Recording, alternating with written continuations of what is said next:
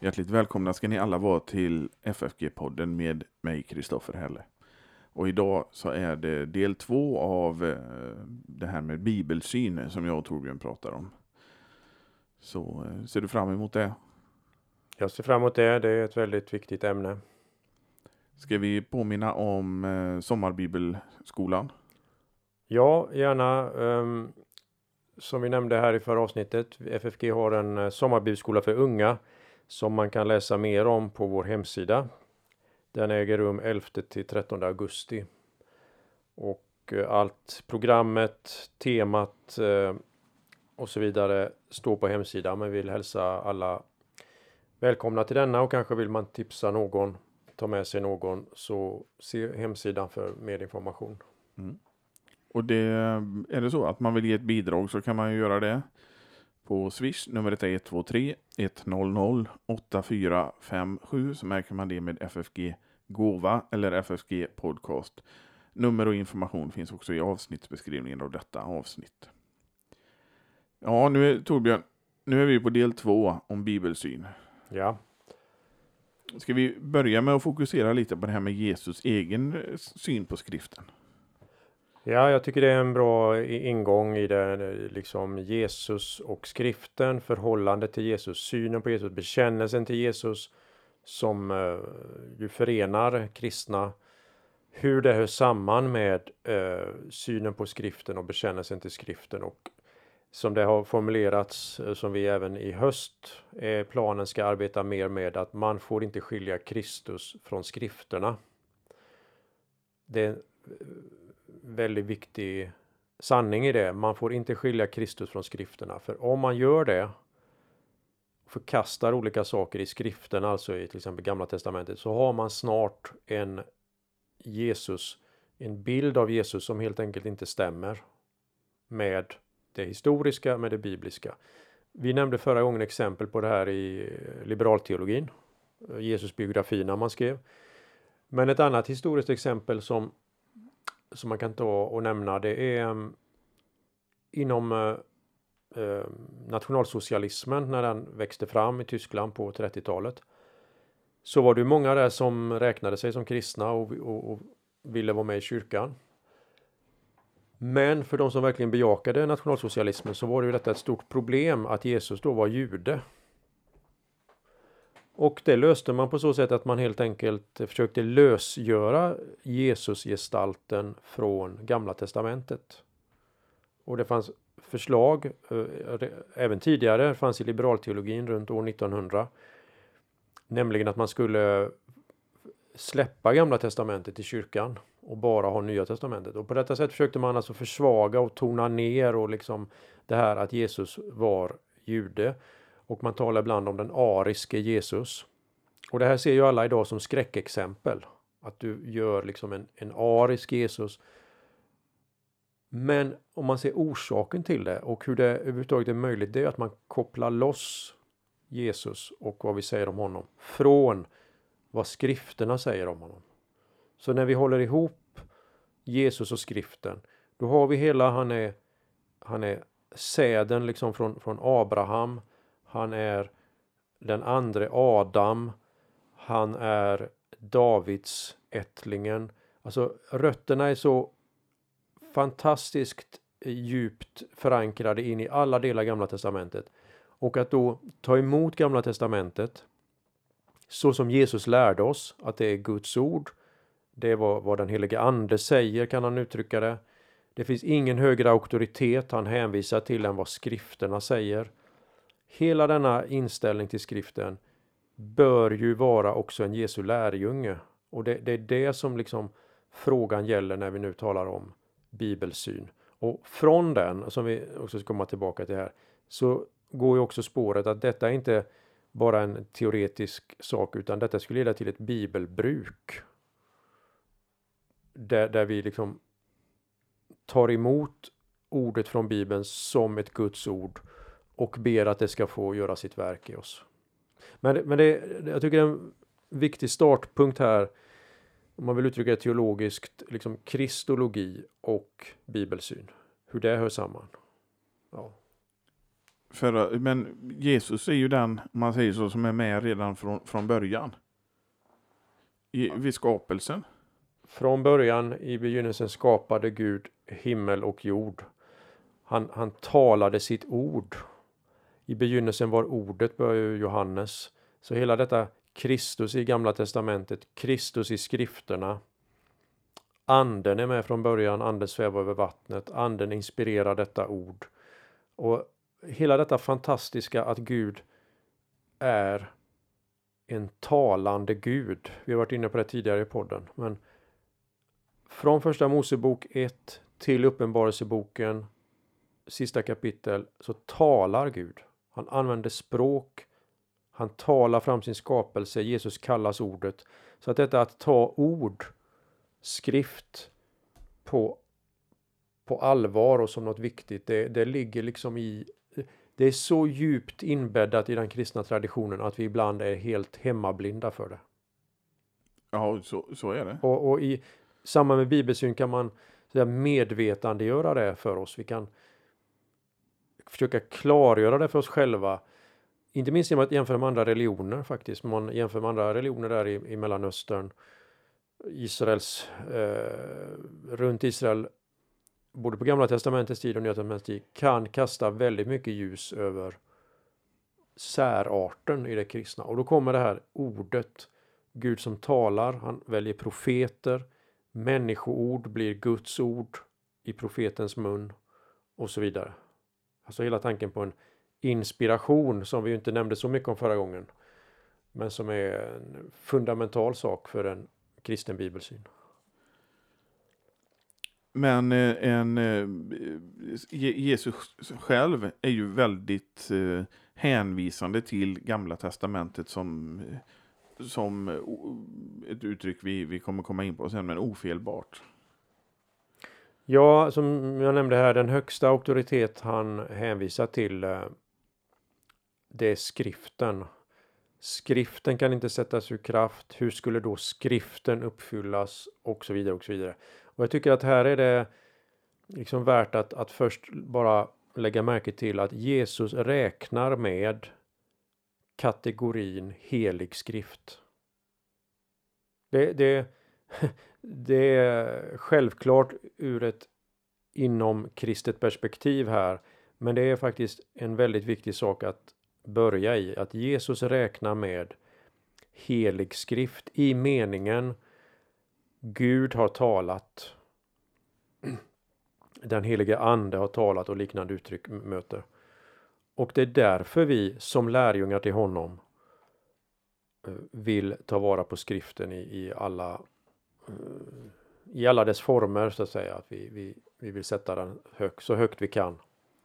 Eh, vi brukar ju tala om att bruka Guds ord här på, på västkusten. Ja. Och det är, ju det, det är ju det som vi pratar om här, hur man brukar Bibeln och att Gud, Gud genom sitt ord talar med oss. I ordet så bor anden som gör att det här ordet blir levande så att det blir så att Gud talar till oss. Det har varit ett stående själavårdsråd och ofta i predikningar har ju det här funnits med, nämligen bruka Guds ord som du säger. Och som vi sa är det viktigt att hålla ihop för bibelsyn kan bli en eh, Alltså om den isoleras hela denna frågan så kan den riskera att bli teoretisk. Men om man håller ihop den med bibelbruk och tänker denna höga syn på skriften som vi vill uttrycka ska ju leda till att vi tar vara på det så att vi gärna hör det när det predikas. Vi har gudstjänster eh, där vi samlas bibeltimmar. Eh, andakter i hemmen och på olika sätt att detta ord ska, ska användas helt enkelt. I alla dess former också. Man kan tänka nu det från reformationen och, och så här. Man, man, man talar om att ordet sjöngs in.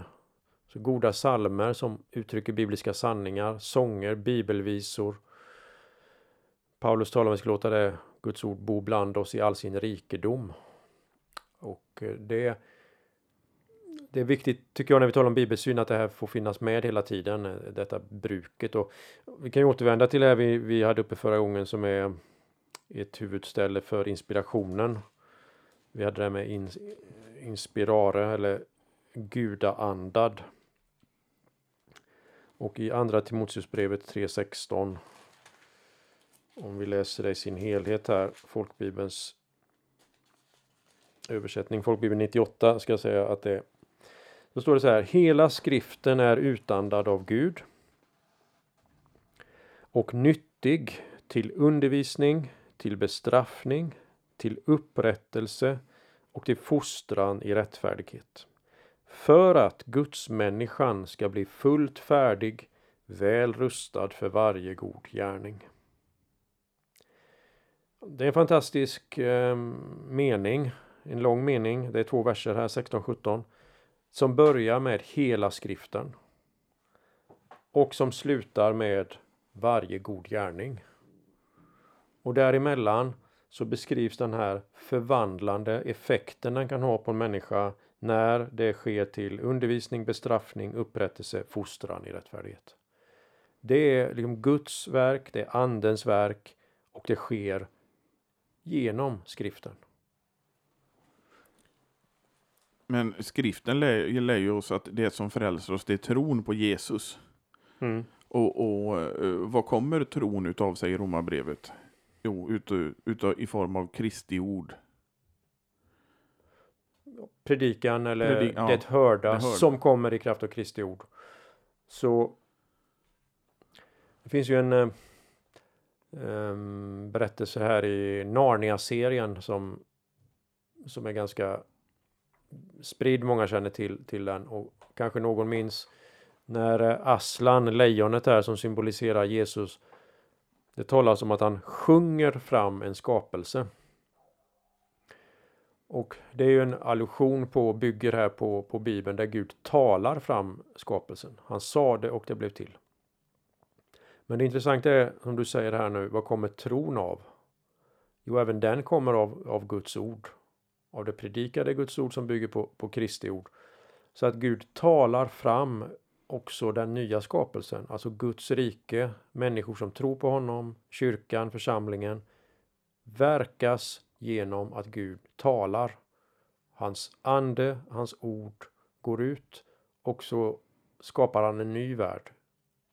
Vi har ett gammalt rike, jordiskt rike, men här kommer nu Guds rike och Gud handlar med ord igen, talar fram och väcker tron. Det är en eh, intressant parallell som också uttrycker det här kraftfulla i ord är inte tomma ord när det är Bibeln. Det är inte bara information utan det är också ande och kraft genom dessa ord. Nej, men om, man, om man bara tänker på hur, hur mäktigt och, och kraftfullt människors ord kan vara. Hur mäktigt är inte då Guds ord? Mm. Det, det är ju, för, för människors um, ord har ju faktiskt makt att göra väldigt mycket. Verkligen. Då är ju, då är ju, Guds ord är ju då det som kan rädda oss ifrån synden, döden och djävulen. Man talar ibland om, man har försökt lite för att uttrycka det här eh, skapande i Guds ord. Man talar ibland om liksom ett performativt tal. Att, att tal av människor kan liksom göra skillnad i verkligheten. Jag förklarar er man och hustru. Domaren avkunnar domen i en domstol. Att från det så ändras liksom verkligheten genom ord. Och även om det bara är en svag avglans, liksom den kraft som finns i Guds ord och hur det förändrar verkligheten, så är det ändå viktigt att försöka tänka i de här parallellerna för att komma bort från den där eh, vanföreställningen att, att det är bara information.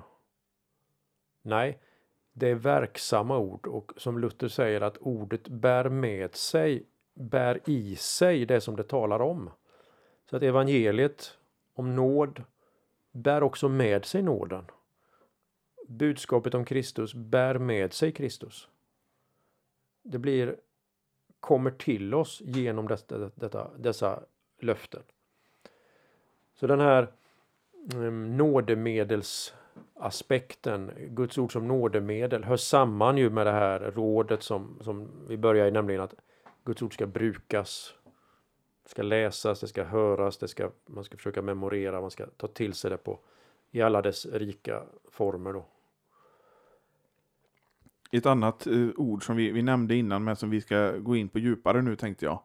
Det är det här eh, ordet ofelbar eller ofelbarhet. Ja, det är ett viktigt ord när vi talar om bibelsyn. Och omstritt ord.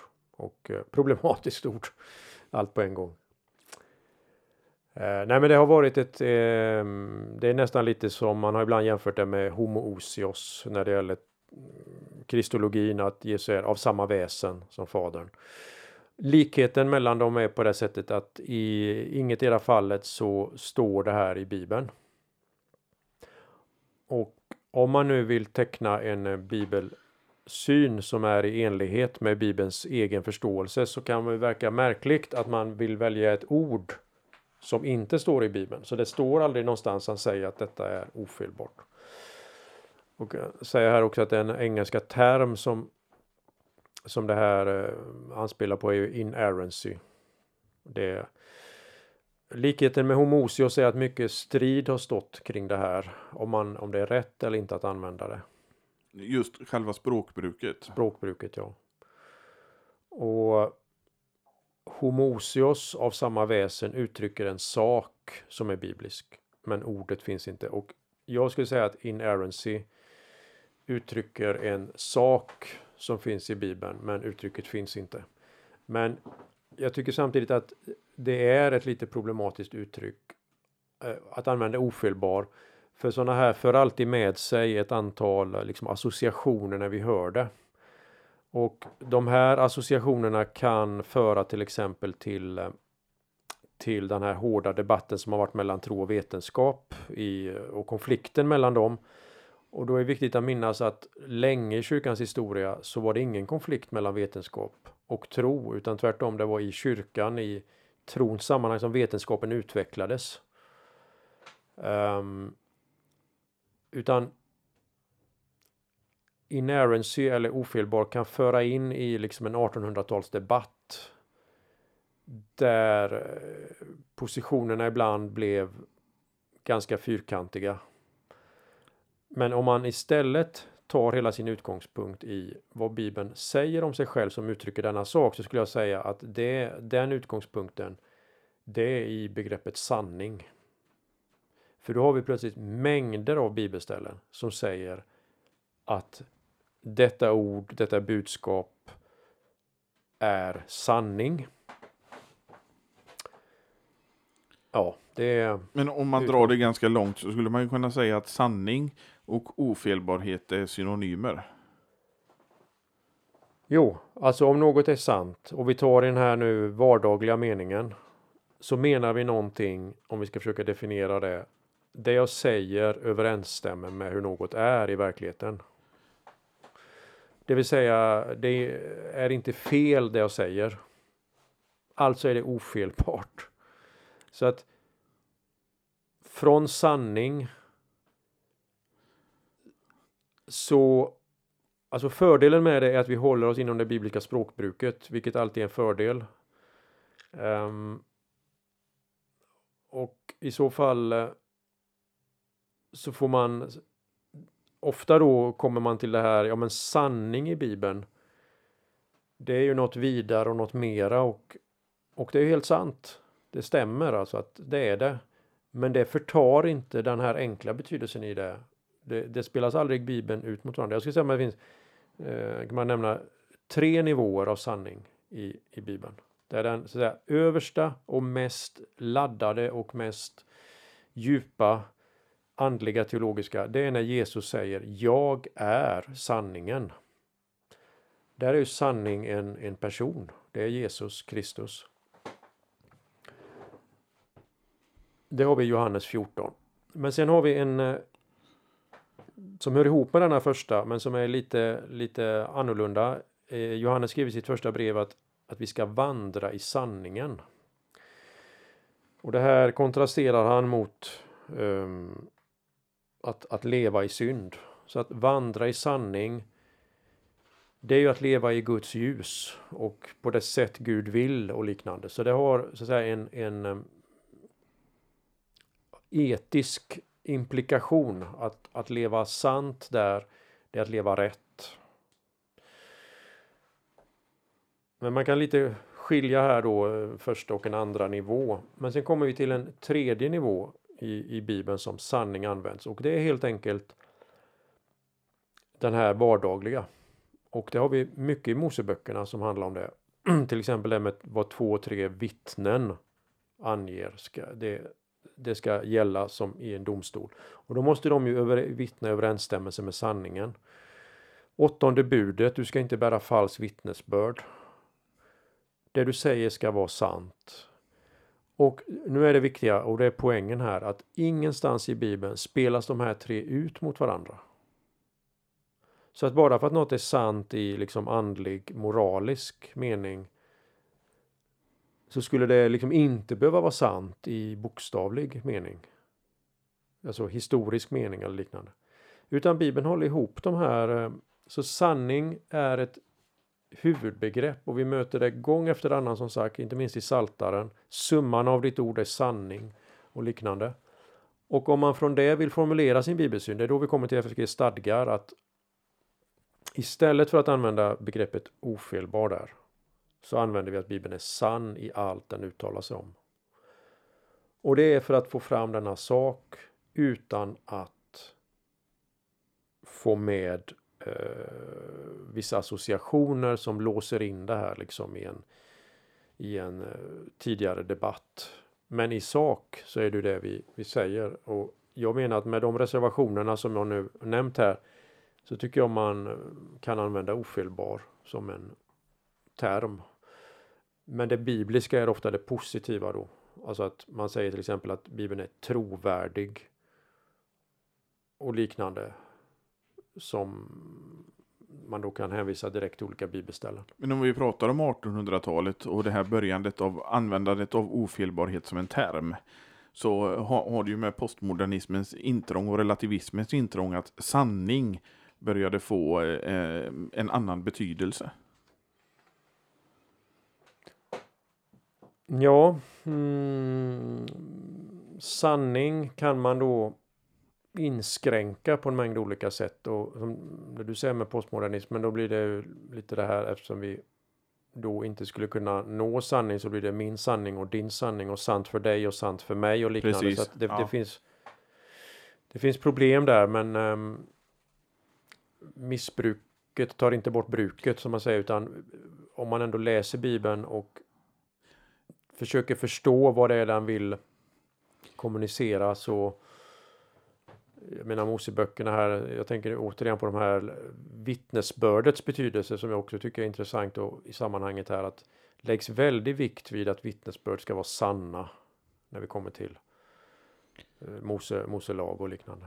Men det jag menar är att håller man på och diskuterar kring sanning som man gjorde då i postmodernismen och, och börjar relativisera det så, så blir ju det att man får hitta en term som förklarar vad våran sanning är.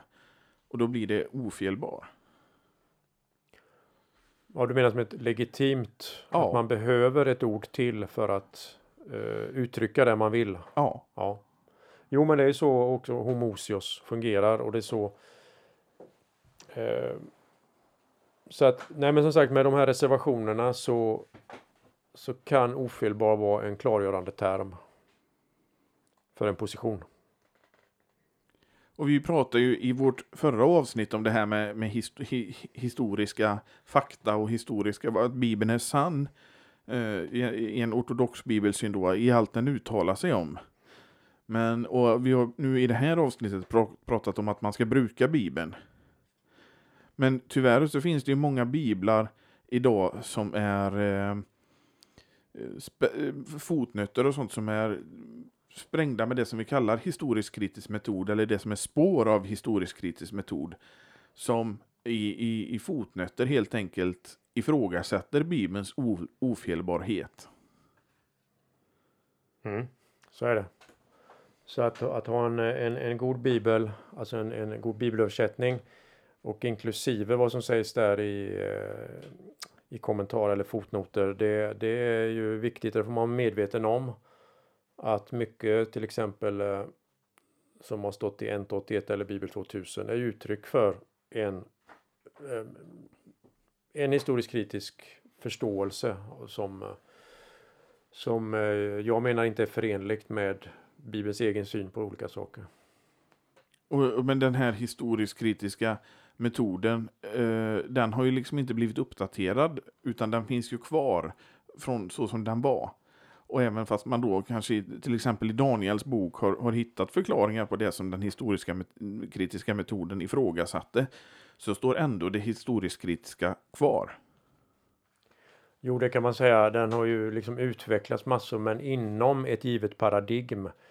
Att, att någonstans är det att om du vill eh, arbeta med Bibeln så här vetenskapligt citationstecken så kan du egentligen inte räkna med profetior till exempel.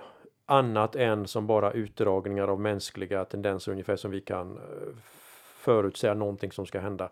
Men att någon skulle kunna säga som Jesaja som säger vad som ska hända efter fångenskapen innan de ens har gått i fångenskap. Det måste du förklara på ett annat sätt när du är inom det vetenskapliga paradigmet. Och det ska vara då kunna delas även av de som inte tror på Bibeln som, som Guds ord. Så det ligger liksom ofta i den metodens um, Ja, det ligger i själva metoden, ligger vilka slutsatser du kommer till. Däremot har det väl, eftersom det är på olika sätt är återvändsgränder och till slut blir det inte så intressant i så fall att läsa uh, den typen av exegetik, så har man ju mer nu ägnat sig åt att ta texten som den är oavsett tillkomsthistoria, oavsett vem som har skrivit den och se den kanoniskt. Att det här har varit en normerande text för de här grupperna och vad kan vi se i dess helhet, struktur och liknande och budskap och så vidare.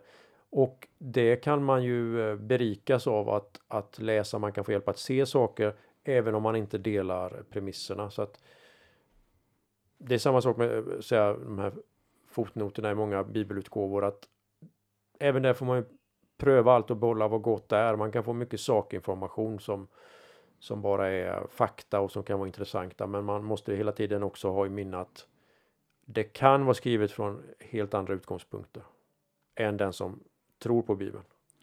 Men det finns ju mycket arkeologiska fynd som stödjer det som Bibeln uttalar sig om. Absolut är det så. Eh, och, och, och, som till och med klargör, vi har ju Döda havsrullarna har vi som ett eh, lysande exempel på detta att eh, men det var ju Bibeln som hade rätt ändå. Men det man ska tillägga då, det är ju att du ska inte förlita din bibelsyn och din tro på arkeologiska fynd, utan på att Bibeln är Guds ord, uppenbarade ord. Mm. Det är det, man får tacksamt ta emot de här bekräftelserna som kommer. Men skulle det komma utgrävningar som pekar i en annan riktning så är det en, inte utgrävningarna jag tror på utan jag tror på det Gud har sagt. Det, det. Men jag skulle få in ett perspektiv till här som jag tycker är viktigt när vi talar nu om eh, ofelbar och inerrancy. Så tror jag en jag tror den lutherska teologin här har ett viktigt bidrag in i den debatten. Därför att eh, det finns ibland en eh, av två skäl. Dels finns det i de sammanhang olika konfessioner, ofta vad vi kallar evangelikala i, i USA av olika mm, konfessionell tillhörighet. Så kan man betona att Bibeln är sann i allt, inklusive historia och naturvetenskap. Men det här kan ibland ske på ett sätt som gör att allt i Bibeln hamnar, om man får säga det så, på samma nivå.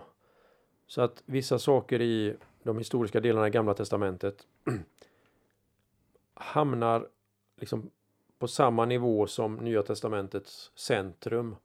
Och det kan leda till att eh, debatten liksom fastnar i kontroversiella saker i krönikeböckerna eller kungaböckerna så att den här lutherska Kristus Centreringen behöver man ha med samtidigt som man bekänner sann i allt. Eh, liksom allting ska peka in och i förra avsnittet hade vi det här med, med synfältet, hur det fungerar med skärpa i centrum och, och suddigt i, i eh, marginalerna, utkanten, eller porträttet. Så att på något sätt att allting ska peka mot Kristus, leda till Kristus, hans verk, vår tro på honom, hans eh, handlande med oss i dom och nåd, synd och frälsning. Det måste man kunna förena med bibelsynsdebatten så att inte hela kristendomen kommer att handla om de här historiska avsnitten i Gamla Testamentet till exempel. Men en annan skillnad, och det har tagits fram i en bok som, ehm, som jag skrivit en kort recension av som finns i senaste numret av Hälsning. Han heter Jack Kilcrease och han har skrivit om Bibeln och bibelsynen i en serie som heter Confessional Dogmatics. Så det är på engelska. Men en av hans huvudpoänger där det är att den lutherska synen på Bibeln som sann i allt bygger på tron. Att vi, vi, vi tror på Guds ord. Inte att vi har kunnat bevisa att allting är sant utifrån förnuftet. Och i den amerikanska kontexten så vill han på det sättet eh, distansera sig från en viss typ av det han kallar amerikansk fundamentalism. Där förnuftet spelar väldigt stor roll och att du ska kunna bevisa visa, förklara varför det och det och det är sant och överensstämmer. Där har Kilcrease, alltså med rätt eller orätt, men det, det tecknar två positioner ganska intressant tycker jag. Um, att även det jag inte kan förklara med mitt förnuft accepterar jag som sant på grund av ja, auktoritet, att Gud är Gud. Det är hans ord. Han vet mer än jag. Jag ser inte hur allt det här går ihop. Men jag håller fast vid att det är sant och det är sant. Och det är, jag kan leva med den spänningen. Men det finns en risk att man blir rationalist även här och vill kunna förklara allting. Och kan jag inte det så skakar hela fundamentet. Det har Kilchrist en viktig poäng med. Så det, det alltså Kristuscentreringen och det som är en, eh, orsaken till detta som ju är tro och förtröstan på Gud. Och vi har ett viktigt ställe i Hebreerbrevets inledning. I tro förstår vi att världen har blivit skapad genom ett ord av Gud. Jag tycker det uttrycket där är värt att återvända till. Vi har nämnt det i något tidigare avsnitt. I tro förstår vi. Så istället för att utifrån förnuftet och vetenskapens egna principer att jag måste nå fram så kan jag i förtröstan på att det är Gud som har talat detta vila i att detta ord är sant. Helt enkelt för att det är från Gud. Och i Kilchrist bok så, så tar han ju upp det här med härlighetsteologi och korsteologi. Ja, det är en mycket viktig sak. Jag tycker det är, om, om vi ska säga det kanske är det tredje här viktiga. Om vi hade första Kristuscentreringen. Det andra trosaspekten ehm, um, nu av, av mm, Bibelns sanning. Och det tredje som är, det kanske, ja, men det är, det är ett utpräglat lutherskt tema som ju Luther utvecklar i, i många sammanhang. Men det är mellan korsteologi och härlighetsteologi. Och i det här sammanhanget så tycker jag det skulle handla om, eller beskriva då hur, hur denna bibelsyn, att Bibeln är sann i allt, inte är i den formen att det här är så här triumfatoriskt så att alla nu kan se det. Utan tvärtom så är det ofta som något fördolt. Dess, dess sanning visar sig för den som Eh, förblir i ordet. Jesus säger om ni förblir i mitt ord är ni verkligen mina lärjungar och ni ska förstå sanningen och sanningen ska göra er fria. Så att istället för att detta med, med Bibelns sanning i allt skulle kunna mm, på ett härlighetsteologiskt sätt, det vill säga kraft och klarhet och alla, alla ska se det, så kommer det som Kilchrist tar fram ofta som ett korsteologiskt tema, det vill säga Jesu härlighet var dold under hans ringhet, under hans lidande och det var bara trons ögon som, som såg det. Många förkastade det. Och det här sättet att beskriva Bibeln i, som en parallell till hur Jesus beskrivs eh, utvecklar Kilchrist där i sin bok på ett sätt som jag tycker är viktigt att också få med att när man nu har denna höga bekännelse till Bibeln som sann i allt, det kan man jämföra med då Jesus som sann Gud. Men samtidigt är detta någonting som är dolt ofta under svårigheter. Även nu i bibelläsningen så kan det vara um, svårigheter. Vi, vi förstår inte hur detta är sant. Vi förstår inte hur det går ihop med, med något annat och så vidare. Men att förbli i det. Om ni förblir i mitt ord. Då eh, öppnar sig också olika perspektiv och vi ser sanning. Vi ser och, och den gör oss fria. Mm. Så jag tycker Bibelsyn bör alltid på det här sättet hållas samman med andra viktiga teologiska teman. Och nu har vi nämnt några som, och det är en av förtjänsterna med, med Kilcrees bok då. Vi har ju eh, sagt att vi ska prata om FFGs bibelsyn också. Ja. Och den eh, kan vi säga också man kan hitta på vår hemsida. Där ligger eh, portalparagrafen och med, med bibelsynen. Och det som vi har sagt innan att FFGs bibelsyn är en ortodox bibelsyn. Ja, det är ett ställningstagande där utifrån eh, andra teologiska institutioner och ofta ihop med att man eh, bildar en sådan så, så vill man ju beskriva någonting om grundlaget, vad som är fundamentet som här ska, vad som ska bedrivas. Inte alltid, men ibland har man också då tagit ställning i olika frågor som rör bibelsyn och eh, det har FFG där i sin. Det är fem att-satser fem satser där ja. Ja, och eh, slutet på den första säger så att Bibeln och den heliga skrift är Guds eget ord och inspirerat av den helige ande. Och det är ju eh, så som vi säger att det är den heliga ande som har inspirerat profeter och apostlar att eh, skriva. Eh, profeter, evangelister och apostlar att, att skriva de här böckerna. Ja. Och vi var inne på det i förra avsnittet att hela skriften är utandad av Gud. Ja. Det är ju det fantastiska att eh, när en profet säger så säger Herren och en profet talade ett visst språk, hebreiska eh, och detta mänskliga språk uttrycker då så säger Herren. Det blir Guds ord.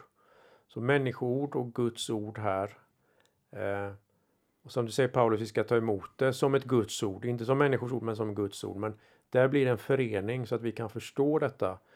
Eh, bara en hänvisning till det till Kilcrease. Han, han beskriver att hela vår skapelse är en, eh, han kallar det för en lingvistisk skapelse. Det som har med språk att göra. Hela vår skapelse är inbäddad i språk. Gud talar och det blir till. Vi förstår världen, oss själva genom det språk vi har fått lära oss. Och det behöver vi också tänka på hur